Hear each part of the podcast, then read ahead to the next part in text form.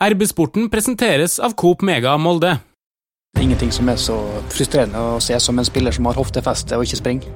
Fra Vestnes, Bernt Nikolai Hulsker. Dere skjønner at jeg var ironisk i starten der? Hva du sa navnet? Bernt Vet ikke Nikolai. kjenner- han, ja. Bernt Nikolai Hulsker. Ja, litt på TV av og til. Der var han. På, på Malta? På Malta. Litt sånn Tore på sporet der, føler jeg nå. Ja, det er egentlig det. Velkommen til RB-sporten, Romsdals Bustikkes podkast for fotball og idrett i Romsdal. Vi er klar med en ny episode som hovedsakelig skal handle om fotball. Vi sitter fortsatt i kantina til Romsdals Bustikke med ganske god avstand mellom oss. Og her har jeg med meg Martin Brøste, sportsjournalist i Romsdals Bustikke. Hallo, hallo. Og så har jeg med meg Pernille Husby, journalist i Bustikka og fortsatt MFK-supporter. Hei, hei. Og ikke nok med det, på telefon så har vi med oss Ørjan Nygård, som er fysisk trener i Molde fotballklubb. Hallo, hallo. Hvordan er det å ha Nei, først skal jeg spørre om en ting. Hvem er Ørjan? Nei, en bondetapp fra Gjendem. Ja. Hvordan ble du fysisk trener for Molde fotballklubb? Nei, det er en lang reise, da. Hvis du tar kortversjonen, da. Kortversjonen. Ja. Da jobba to, to år i Sogndal, tre år i Bodø-Glimt. Og så åpna seg muligheten når Børre ble assistenttrener, og da fikk jeg telefonen fra en Erling om et møte, og så ble det jobb. Hva slags bakgrunn har en eh, fysisk trener? Ja, om vi er god, det vet jeg ikke, men eh, i hvert fall så er jeg en masterutdannelse innenfor idrett. da. Så du kan si eh, NHI, samme utdanning altså der, mastergrad. Så er det ganske mange års erfaring blitt da etter hvert. En ting som mange lurer på nå, er jo hva slags fysisk form fotballspillerne er i etter det her lille avbrekket hvor de har hatt ansvar for seg sjøl. Hva kan du si om det? Nei, de fleste er ganske bra form, ja. Ja, de, fleste, det- de, de fleste, sier du. Er det noen du mener skulle ha trent mer i eh, mens de hadde fri? Ja, noen lager noen egne ting, da, og det er ikke så smart alltid. Men ser noen noe som tenker mest på, at det er noen som sliter med sånne småskader, som ikke er full trening. da. Hvordan er det med trening nå, nå om dagen? Det er jo ganske strenge retningslinjer eh, fortsatt. Ligger det til rette for god eh, fysisk trening, eller er det vanskelig å få full effekt når man ikke kan eh, spille ordentlig fotball? Ja, det, det er du får aldri 100 effekt når du deler det opp sånn som vi gjør det nå, men vi får i hvert fall trent eh, så godt vi kan gjøre, slik situasjonen er. Hvor mye elektronikk og sånn overvåking er det mulig for å liksom sjekke eh, og få vitenskapelig bevist hva slags form spilleren er i? Nei, Vi bruker noen GPS-tall hele tida på hver økt. Så du prøver å oppnå de tallene de skal i løpet av uke på de parametrene de er ute etter. Det kan være antall sprinter, antall meter sprint, antall meter høyhastighetsløp, som er litt saktere enn sprint, og eh, av brems, sånne type ting. da.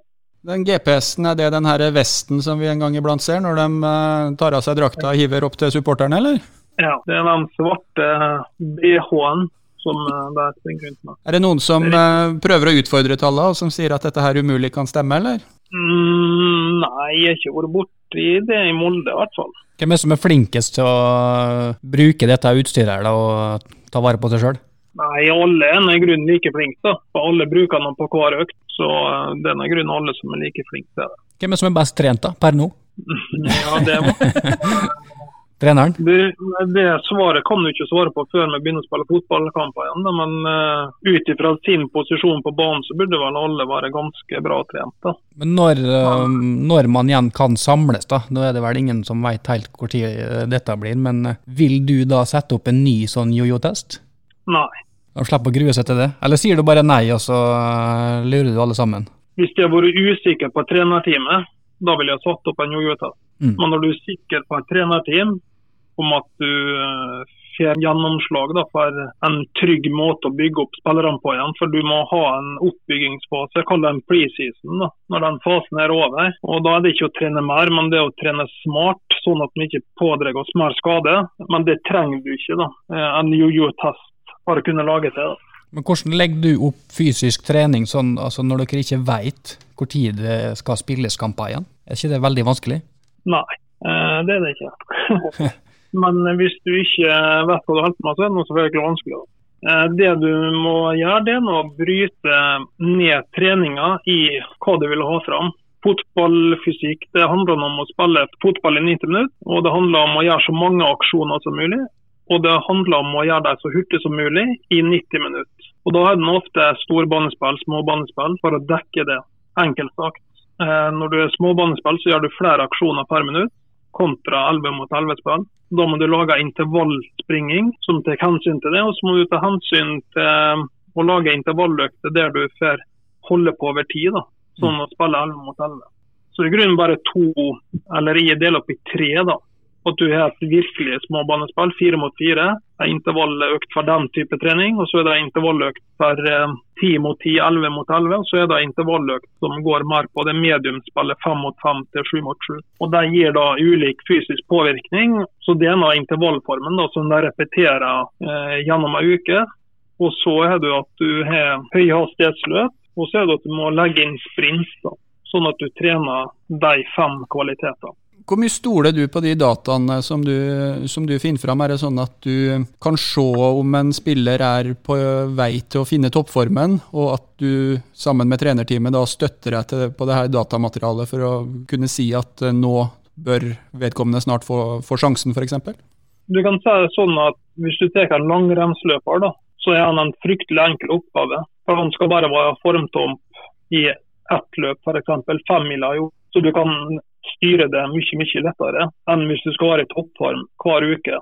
Men enkelt sagt så gjør du det samme, bare at i fotballen så har du de samme prinsippene innad i en uke som en eh, langrennsløper har kanskje hvert halvår, da. eller inn mot et mesterskap. Litt interessant den her eh, langrennsløpersammenligninga. Eh, de som driver med utholdenhetsidrett kan jo en gang iblant si at uh, ikke er, nei, fotballspillere ikke er all verdens trent. Hva, hva er din tilbakemelding til dem? Hvis du da tar langrenn og knuser fotballspilleren, og hvis du tenker fotball, så vil fotballspilleren knuse en Klæbo, for det er to forskjellige man trener på. I langrenn så trener du utholdenhet, der du bruker oksygenet til å kunne jobbe over lang tid. Mens i fot trener du opp sånn at du bruker oksygenet til å restituere til neste sprint. Så det er to totalt motsatt av hverandre. da. Så hvis du tenker å trene en fotballspill som en langrennsløper, så har du ikke forstått hva det fysiske kravet i fotball er. Eh, hvis... Samme som at en fotballspiller eller en langrennsløper aldri vil trene så intensivt som en fotballspiller vil. Da. Hvis vi går tilbake til eh, fjorårssesongen med Bodø-Glimt, hvor viktig tror du den fysiske formen var for den uh, sesongen som uh, Bodø-Glimt faktisk klarte å, å, levere. Og Hvis jeg da tenker over det du akkurat har sagt, så var det jo mange som sa at Bodø-Glimt kom til å sprekke eller få en, få en down-periode på et eller annet tidspunkt, men den kom jo egentlig aldri ordentlig, den, den down-perioden. Nei, det som gjorde at Bodø-Glimt var så gode i fjor, det var det viktigste fotball. Og det er Nils Arne Eggen prata om i alle år han var i Rosenborg, i hvert fall denne relasjonelle ferdigheter. Det er det viktigste fotball det å skjønne hva medspillerne dine gjør i forhold til mot, motspillet. Og Hvis du skjønner det, så springer du ut ifra det, og da får du fysisk trening. Men det Bodø-Glimt gjorde bra i fjor, det var at de hadde en ekstremt tydelige retningslinjer for spillerne sine. Så spillere som ikke spilte i vante posisjoner, kunne òg utføre arbeidet sitt like godt. Det så vi eksempel på um, med at midtbanespillere spilte høyrebacker. Det at midtbanespillere spilte spiss, eller Bodø-Glimt spilte uten spiss halve sesongen. Og Det vitner bare om at eh, det har vært en ekstremt tydelig spillestil. da, kan du si. Men det betyr igjen at trenerne har vært flinke på å forklare spillerne hva de skal gjøre i gitte situasjoner. Og da Når en fotballspiller skjønner mer av hva han skal gjøre ute på banen, så vil han da igjen springe oftere han vil springe raskere fordi at han skjønner at det er riktig, og da vil du springe raskere. Han vil også skjønne hva tid han skal springe, oftere, og så vil han bli så godt trent at han gjør det da i 90 minutter. Og Da betyr det ikke at jeg er så godt fysisk trent. Det å være godt fysisk trent i fotball, den å opprettholde spillestilen sin i 90 minutter. Og Det Bodø-Glimt var god på i fjor, det var at de kunne gjøre det gjennom hele kampen og hver kamp i sesongen. Og Hvis du da, da ser du at spillerne sprang mye i Bodø-Glimt. Og da vil du òg være i god form da, eh, hele året, hvis du tar hensyn til eh, restitusjonen og den type ting. Du sier at Bodø-Glimt-spillerne løper mye, men jeg leste i hvert fall om én kar som var, han var god på å, på sprinte, rett og slett. Amor Lajoni, kan du si litt om eh, de tallene dere hadde på han? Ja, han var ganske ekstrem. Han sprinta aldri mindre enn 400 meter per kamp. Eh, det er ganske mye. da. Sammenlignet med eh, internasjonale stjerner som Ronaldo f.eks., hvor ligger han i løypa da? Ja, Da ligger han over Ronaldo. Ronaldo hadde vel i var det VM eller EM 400 meter i snitt. Mm. Mens Nammo ligger og snitte på opp mot 500 meter. Det lengste han sprinta var 700 meter i kamp. Snittet i Molde ligger vel på sånn ca. 200 meter da, til sammenligning. Og Det vil ikke si at eh, Molde-spillerne er dårligere trent, men det tyder på kanskje mer en annen type spillestil. Da. For Bodø-Glimt var voldsomt kontringsbasert. Samtidig som at en Amor alltid stakk i bakrom. kan du si da. Mm. Han var en hissig fotballspiller på å springe. Så spillestilen til laget pluss spillestilen til spilleren gjør at han da sprinter mye. Hvor mye fotball ser du? Nei, ikke så lite. Men det som er viktig, eller det som er interessant med Mola Joni og Håkon Evjen, det var at de aldri trente mer enn to fulle økter i uka. Det var de som trente minst i Bodø-Glimt når jeg var der. da. Jeg var der halve sesongen, men da trente de maks to fulle økter i uka. Men allikevel var det de to som sprang mest sprint og høyhastighetsløp i løpet av en kamp. Ja, hvorfor trente de ikke mer? Nei, Det er for at de produserer altså masse energi da, si, i løpet av en fotballkamp. At de da trenger mer hvile. De kan ikke trene mer, for da vil de bryte sammen. så Kanskje på en strekk eller eh, et eller annet sånt. Men da har du heller fokus på å hvile dem mer, sånn at de igjen kan springe så mye som de eh, bør, da, eller skal eller vil. eller jeg kommer litt tilbake til det her med å se på fotball. Ja. Går det an å kose seg med en fotballkamp uten å, uten å leite etter denne type funn for deg? Ja, det er, det er nok tall på arbeid. det, så det er godt. Hvis du skulle valgt deg liksom idealspilleren, hva er den fysiske trenerens uh, favorittspiller? Tenker du i verden eller i ja, Molde? Nå skal du få lov til å tenke stort, så du kan enten bruke noen du har jobba med, eller du kan, uh, kan se utafor den sirkelen. Nei, Zlatan hadde vært artig å se i aksjon han er en, en, kanskje ikke verdens beste, men i hvert fall eh, den jeg syns det er artigst å se på. Hvordan tror du det er med han og antall sprinter? Jeg syns noen ganger han står litt stille. Ja, han er en stille spiller, da, men jeg tror han er ganske høy på sprinting. Jeg har ikke tallene som jeg så det, men det, det, er ikke så dårlig som det kan se ut til sikkert lite høyhastighetsløp. Før vi legger på, Ørjan. Eh, til alle dem som er eh, bekymra for at eh, Molde-spillerne ikke er trent ordentlig, og at det her eh, skadeavbrekket, nei ikke skadeavbrekket, den pausen i fotballen som vi har hatt nå, eh, har vært eh, byr på nye utfordringer. Hva vil, hva vil, du si til dem som er bekymra? De skal trene godt og smart. De andre i hvert fall hvis de skal trene bedre enn oss. Så det er ikke bekymra. Det var en veldig fin avslutning. Tusen takk for at du var med oss, eh, Ørjan. Og så skal vi i RB-sporten fortsette å snakke om uh, favorittspisser. Noen springer mye, og noen uh, står litt uh, mye i ro. Men uansett, tusen takk for at, at, du var med oss, Ørjan. Jo, bare hyggelig. Ha det bra. Hei, Hilde her, fra Coop Mega Molde. Kom innom og se vårt store, brede utvalg av mat fra lokale produsenter. Vi har også gavepakker til den som har alt. Velkommen til Coop Mega Molde! Ja, hva tror vi om eh, MFK og deres fysiske form etter å ha snakka med Ørjan uh, Nygaard? Vanskelig å si, men uh, så lenge dette er likt for alle andre klubber, så tror jeg ikke vi har grunn til å være veldig bekymra. det blir jo ikke det samme å drive og springe ut i marka her eller å drive med sånne ting. De må jo ha denne ballfølelsen. Da, så det, den fysiske biten er jo én ting, men eh, det er jo selve det tekniske kanskje med ball som er det som er det store spørsmålstegnet her. Overraska over eh, detaljnivået til en fysisk trener, eh, Pernille. Det er mye han skal ha styr på for å vite at spillertroppen er i ordentlig form, tydeligvis. Ja, som dere merka så sa jeg ikke så veldig mye, men jeg fikk to i matte, så det her gikk litt over hodet på meg. Det hørtes ut som han hadde full kontroll, da. Eh, så ble jeg veldig nysgjerrig på hvem han hadde jobba med som drev og som var misfornøyd med tallene, og som mente de ikke kunne stemme på den GPS-måleren. Det glemte jeg å spørre om, men eh, det var sikkert noen i Sogndal. Vil du tippe? Nei, nei, det vil jeg ikke. Artig med MFKs eh, trener- og støtteapparat nå, at det er så mange lokale karer. Her var en eh, forening, forsto jeg, som eh, har kontroll på fysikken til eh, spillertroppen. Jeg kan kalle det seg bondetamp. Ja, sa det. bondetamp fra Gjendem? Nei, jeg har inntrykk av at uh, han er en dyktig mann. og eh, det er nok ikke tilfeldig at Molde fotballklubb ønsker å, ha, å, få han inn i trenerteamet. Han har gjort det godt i Bodø-Glimt. Jeg mener på at de var et av de lagene som sprang mest, har gjort de siste åra. Det er ikke mange som har noe dårlig å si om han, i hvert fall. De som lytter nå, har eh, litt mindre argument når de eh, da rister på huet og sier at folk er dårlig trent når de blir tatt av i det 72. minutt. De skal få lov til å mene det. Jeg har aldri uh, ment det, men uh, for all del, uh, alt er relativt. Ja, det ligger litt i en fotballsupporters natur det vet du, å klage over. da. Det har vi alltid gjort, og det kommer vi alltid til å gjøre. Det er ingenting som er så frustrerende å se som en spiller som har hoftefeste og ikke springer. Ja, Men hvis han har spurta 700 meter, så ja, har han jo egentlig det, gjort sitt. Da. Det, det, det, er det jeg har lært i dag. Det er det bare han Ørjan som teller, vet du. Ikke vi som sitter på tribuner, så det vet ikke vi. Så vi klager, selv om vi ikke hadde klart å springe halvparten sjøl engang. Tenkte vi skulle snakke videre om dem som forhåpentligvis da kanskje har eh, flest eh, spurter i løpet av en fotballkamp, nemlig spissene. Eh, noen av eh, Molde fotballklubbs eh, aller største profiler har hatt en tendens til å bekle midtbaneroller. Og i dag så tenkte jeg at vi skulle vie litt ekstra oppmerksomhet til dem som skårer måla, eller i hvert fall forsøker.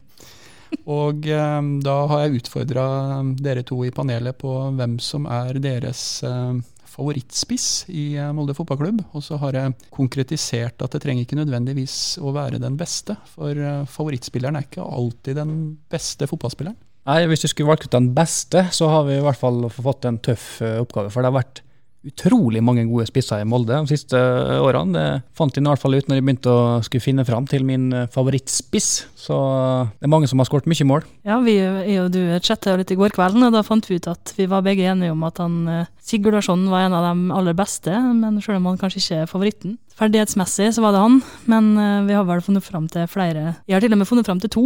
Oh, var det lov? Ja, jeg tok med den friheten i. I disse karantenetider så må vi ha noe å gjøre på. Den gangen her så tenkte jeg at jeg faktisk skulle starte, jeg brukte ikke veldig mye Google for å finne ut hvem som var min um, favorittspiss, men um, jeg er samtidig ganske bevisst på at han er langt fra den beste spissen som Molde fotballklubb har hatt uh, mens jeg har fulgt dem tett, og uh, mitt valg det falt på en uh, brasilianer. Og det er å se Måte som er min favoritt. Ja, det kan jeg forstå. Artig fyr. En sann legende, det selvfølgelig. som Han ble vel faktisk med på å vinne seriegull med Molde. Jeg husker han sto oppe på balkongen på Alexandra og sa at 'this is the best day in my life', og det glemmer jeg aldri. Det er nettopp det som er med José Mota, at han er en uh, fotballspiller som uh, har uh, følelser, og som mm. du hele tida kunne se hva slags humør var i. Men jeg er veldig glad i spisser som jubler ordentlig når de skårer mål, og José Mota han han hadde det der i seg, det der eh, store smilet og um, den der eh, voldsomme gleden da, når han, eh, når han scora. Så litt leit at vi ikke har med oss Knut Lillebakk i panelet i dag, for han har veldig mange gode historier om José Mota. Og noe av det som har gjort mest inntrykk på meg når det gjelder Mota som fotballspiller, er når Lillebakk kunne fortelle at dette er en mann som spilte så med hjertet at hvis han var skuffa over et tap eller at han ikke hadde skåra, så kunne han grine i garderoben etterpå. Uh, voksen mann. Uh, det var så viktig for han å, å levere på, på, banen at hvis han var skuffa over seg sjøl, så, så, tok han til, til tårene. En annen som er litt uh, lignende eksempel på dette med følelsesmessig, er jo han som driver borti Dortmund og banker inn mål. Der ser du litt det samme som med Måta, at han blir så utrolig glad når han skårer mål, og så blir han så forbanna når han ikke får den ballen i mål. Det som også var spesielt med Måta, var jo den her finansieringa. For at um, han kom jo til Molde i 2008 på lån fra en dansk klubb, tror jeg var Aalborg.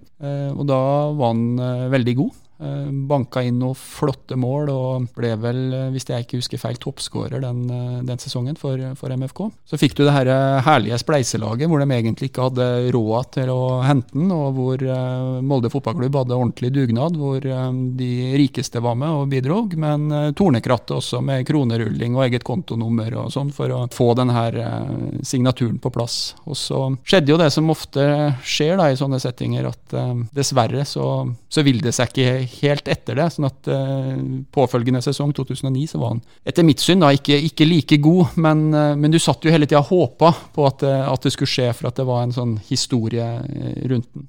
Lillebakk fortalte også en artig historie fra, fra treningsleir. og um, Spissene står jo igjen og og skyter litt på keeperne etter, etter treninga. Knut mener jo at Måta innafor boksen kanskje var en av de aller beste spissene som har vært der også.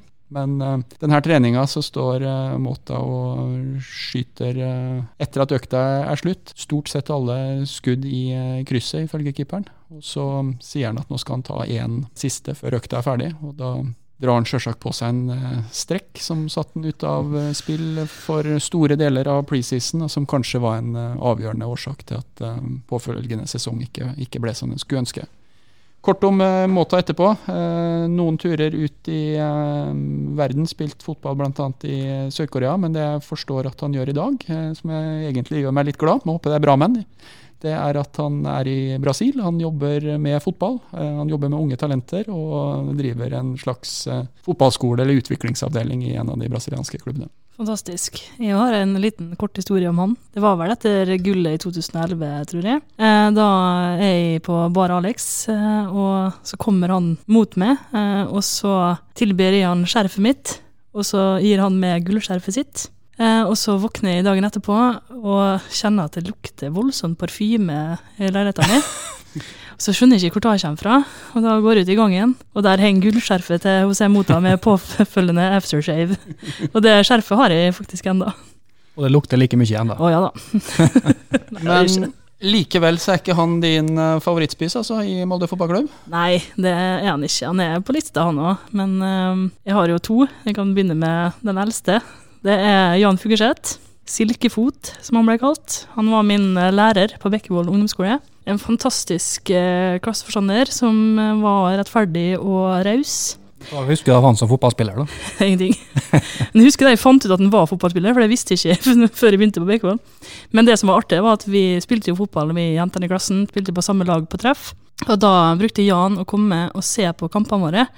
Han fikk jo være vitne til at vi tapte 12-0 mot Skåla, 14-0 mot Gossen osv., men han kom på hver eneste kamp og sto der og ga oss konstruktiv kritikk i etterkant. Det tror ikke alle som ville ha gjort. Se på dårlig eh, saueflokkfotball.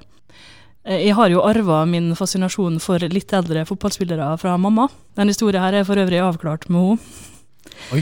I sine ungdomsår, da hun var rundt 10-11 år, så hadde hun ei venninne som bodde oppe i Hatlelia. Og der bodde også daværende stjernespiss på MFK, Jan Fugleseth. Og i garasjen, garasjeanlegget under eh, blokka så sto Jans gullfarga boble. Gull? Gullfarga boble. Ja. Og mamma og venninna brukte da å gå inn Jeg vet ikke om de brukte det, om det var et engangstilfelle, jeg håper at det var det. men da gikk de altså inn eh, i garasjen og kyssa på dørhåndtakene på bilen hans.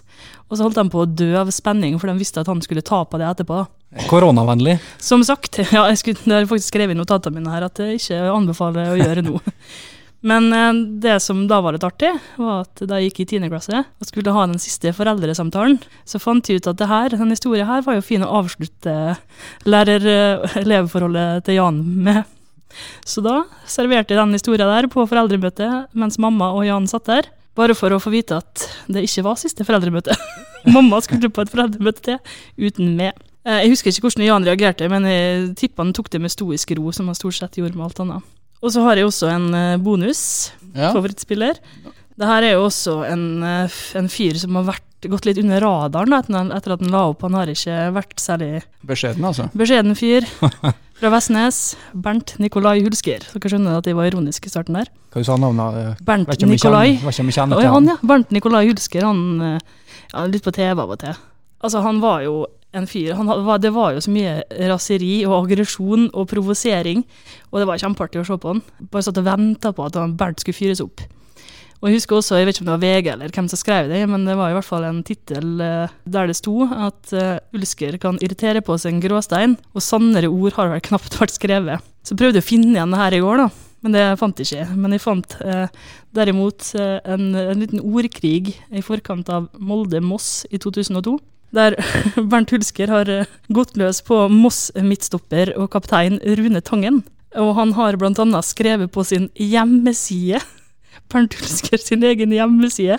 Han har vært influenser, liksom, blogger. eh, Der han har skrevet at Tangen forsøker å dekke over sin høye alder ved hyppig solariumsbruk og feiende flotte striper i Playboy-luggen. Min lille drøm er å se ut slik når jeg nærmer meg den alderen, men 20 år er langt fram i tid, skriver 24 år gamle Hulsker på sin hjemmeside, og tilføyer at han lover å score på Moss hvis Tangen innrømmer at han ligner på Svein Krogstad i TV 2-såpen Hotell Cæsar, hvorpå Tangen svarer at Hulsker er en usikker liten unge med store komplekser, og kaller han for en fjott. Det høres ut som en ordentlig sånn oppkjøring til et uh, prestisjeoppgjør. Men uh, hvis jeg ikke tar helt feil, så begynner vi å nærme oss uh, Hulskers uh, 44-årsdag. Så det er jo kanskje verdt å finne fram et bilde av Tangen fra 2002, da. ja, jeg googla han faktisk, da. Uh, han ligna litt på Svein Krogstad, mens ja, Hulsker er ikke så ulik han heller. Ja, når du nevner Hulsker, så husker jeg fra min barndom at de satt Enten så har det skjedd, eller så har jeg drømt. At han da, Det var en TV-reportasje der Bernt Hulsker sprang om kapp med en hest. Og jeg prøvde flere ganger å finne den TV-reportasjen i ettertid, uten hell. Så hvis det finnes noen der ute som kjenner til dette her, så er det bare å sende med med en gang. Jeg har inntrykk av at eh, det hadde egentlig vært artig å spurt han Ørjan om det, men Bernt hadde ganske mange spurter i løpet av en kamp. Ja, han var i hvert fall uh, veldig rask. Ja, eh, altså Ikke nødvendigvis flest kilometer i løpet av en kamp, det hadde jeg ikke satt så veldig mye penger på, men at, at han hadde bra med spurter, det, det, det vil jeg faktisk tro. Og Han hadde jo det der som Pernille nevner her, det følelsesgreiene. Altså at du, du så hva slags humør han var i. Han var egentlig sånn nesten like artig å se på når han var i slag som når han ikke var i slag. skal jeg være helt ærlig. Ja, nå, nå, er det artig å høre på han. Jeg skal innrømme, Han er på min favorittliste òg, altså. Men uh, nå er jeg spent på Martin. Hva spiss er det du drar opp av hatten, eh, Brøstet? Du nevnte José Mota. Han var en av dem vi vurderte, faktisk. Uh, jeg har Andre Sigtorsson. Det var en tidlig favoritt tidlig på 2000-tallet. Kanskje mest for uh, for dem som spilte Championship Manager, så var han uh, veldig god der. Det var kanskje mest av den grunn. Madio Konate var en uh, artig spiller. Alltid sånn med stort glis. Så hadde du Mam Biram Dioff, kanskje den råeste spissen som har vært i, Molde på mange måter. Baye Jibi Fall. Han banka jo inn mål og ble toppskårer et år. Jeg var der da Tommy Høiland tippa mot Fenebache og avgjorde cupfinalen mot uh, Rosenborg, så han er, har jo ei stor stjerne. Men jeg har gått for en helt annen kar. Solskjærs første signering. Ja, Du sa det i stad, så jeg veit det. David Claude Angan. Fantastisk uh, artig spiller å se på. Han hadde ei sånn dragning med innsida av foten, og han gjorde det i hver kamp. Vi visste at det kom til å skje, men likevel så funka det hver gang. Uh, han var en litt sånn til tider utskjelt spiller i Molde. Fikk ikke sånn veldig mye skryt for den perioden han uh, var her. I 2012 så var han ett mål unna å bli toppskårer i uh, Eliteserien, så han skårte absolutt uh, mange mål. Og så bodde han vel oppe i dette MFK-huset, oppe i Hans Thies Møllers uh, gate. Der var nå jeg innom i ny og ne i min russetid for en del år siden, og da hadde jeg noen i klassen som bodde der. Det kom ikke i Bustega? det ble i hvert fall noen seine kvelder par ganger der så banka vi på dør. Jeg vet ikke om det var med Chima Chukwu eller med Angan. Jeg vet ikke hvem av dem som bodde akkurat der, men de hang sammen uh, hele tida, virka det som. For de åpna alltid opp til alle døgnets tider. Sto der i eh, MFK-shorts og MFK-T-skjorte. Så der var jeg i hvert fall innom og uh, var vel faktisk noe afrikansk dans en kveld der òg, og heldigvis så ble ikke det filma. Men da snakka i hvert fall jeg med Angan, og planla sammen med han hvilken feiring han skulle ha på 16. mai mot Fredrikstad i 2012. Og han, han skåra to mål, og han gjorde som uh, vi ble enige om. Jeg husker ikke akkurat, det, var noe peking i hvert fall opp mot dette russefeltet. Det var samla en del russ da på stadion. Da sto du øverst der og dro opp drakta? Og... Tviler på at han så akkurat med, men uh, det er i hvert fall stort for en uh, supporter da, at man får en så god respons av stjernespissen til eh, Molde som han var den gang. Han var jo det. Skåra mye mål og framsto kanskje litt som litt uh, beskjeden, men jeg må innrømme at jeg ble uh, litt, om ikke rørt, så i hvert fall sjarmert av den historien der, Brøstø. Jeg tenker at det er en av de tingene som er litt fint med med Molde fotballklubb at vi er, det er en relativt liten by. Det er ikke alle som liker at man sier det høyt, men en relativt liten by. Og da kommer man ganske tett på spillerne. og den Ja, fin historie. Men så begynte jeg å tenke, hvor er han hen i dag? Og da måtte jeg jo inn på, på nettet for å finne ut av dette her. For han, eh, Han var i Tyrkia, i hvert fall. han dro til Kina fra Molde, og så var han innom, eh, som du sier, et par tyrkiske klubber. Men så begynner vi å få det litt mer eksotisk. I 2018 så ble han klar for maltesiske Mosta FC. Der var han På, på Malta. På Malta. Litt sånn Tore på sporet der, føler jeg nå. Ja, det er egentlig det. Men vi har ikke kommet til endelig destinasjon. For han var bare noen måneder på Malta. Ja, det er Sånn som Jon Arne Riise. Ja. Ja, han var noen eh, det var, ja, uker, Kypros. uker eller måneder. Ja, Kypros, der var han god, eller grei, eh, og spilte Europacup. Men han ble sportssjef i en maltesisk eh, klubb. Og han har vært involvert i bettingbransjen, som har eh, alle sine hovedkontor på Malta. Av ulike årsaker. Men beklager avsporingen. Men i fjor sommer så ble eh, Angan klar for en klubb i Malaysia, Melaka United. Men heller ikke der så var han særlig lenge. For tidligere i år, etter det jeg har eh, funnet på nettet, og vi får bare håpe at eh, dette stemmer, men eh, det ser i hvert fall sånn ut, så signerte han for en annen klubb i Malaysia. Kuala Lumpur Rovers. En helt nyoppstarta klubb som er stifta i 2020, etter det jeg har funnet ut. Og Da skulle man tro at den klubben går rett inn i siste divisjon i Malaysia, men nei, de hoppa rett inn på nivå tre. Og i eh, denne klubben her så kan uh, Angan danne spisspar med et annet kjent navn. Oi. Sergio Aguero. Oi, Riktignok Sergio Ezequiel Aguero, og Ikke hans navnebror Sergio Kun Aguero i Manchester City. Sjøl om den malaysiske Sergio Aguero går under kallenavnet Kun. Jøss. Yes. Mye bra research Ja. komprimert her. Altså, Hvis du legger til litt biltrøbbel nå, så er det en episode av Tore på sporet her. Ja. Jorda rundt. Da har vi um, fulgt eh, en del uh, fotballspillere rundt uh, kloden.